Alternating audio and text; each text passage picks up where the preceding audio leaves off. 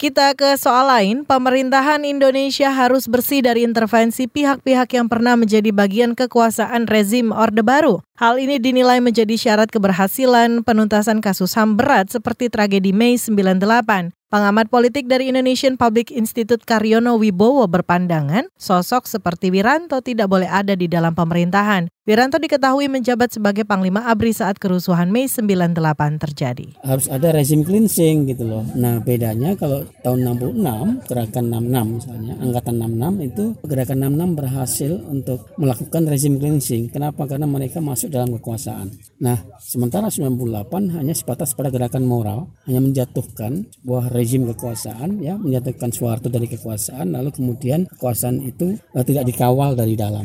Nah oleh karena itu belajar dari pengalaman selama ini maka eksponen 98 sudah saatnya untuk mengawal reformasi dari dalam kekuasaan. Sementara itu saudara bekas aktivis 98 Wahab Talauhu menyebut bahwa sosok Prabowo Subianto juga tidak boleh memegang kekuasaan di pemerintahan. Pasalnya Prabowo diduga kuat sebagai pihak yang bertanggung jawab atas tragedi Mei 98. Terlebih Prabowo juga pernah menjadi bagian dari keluarga Soeharto.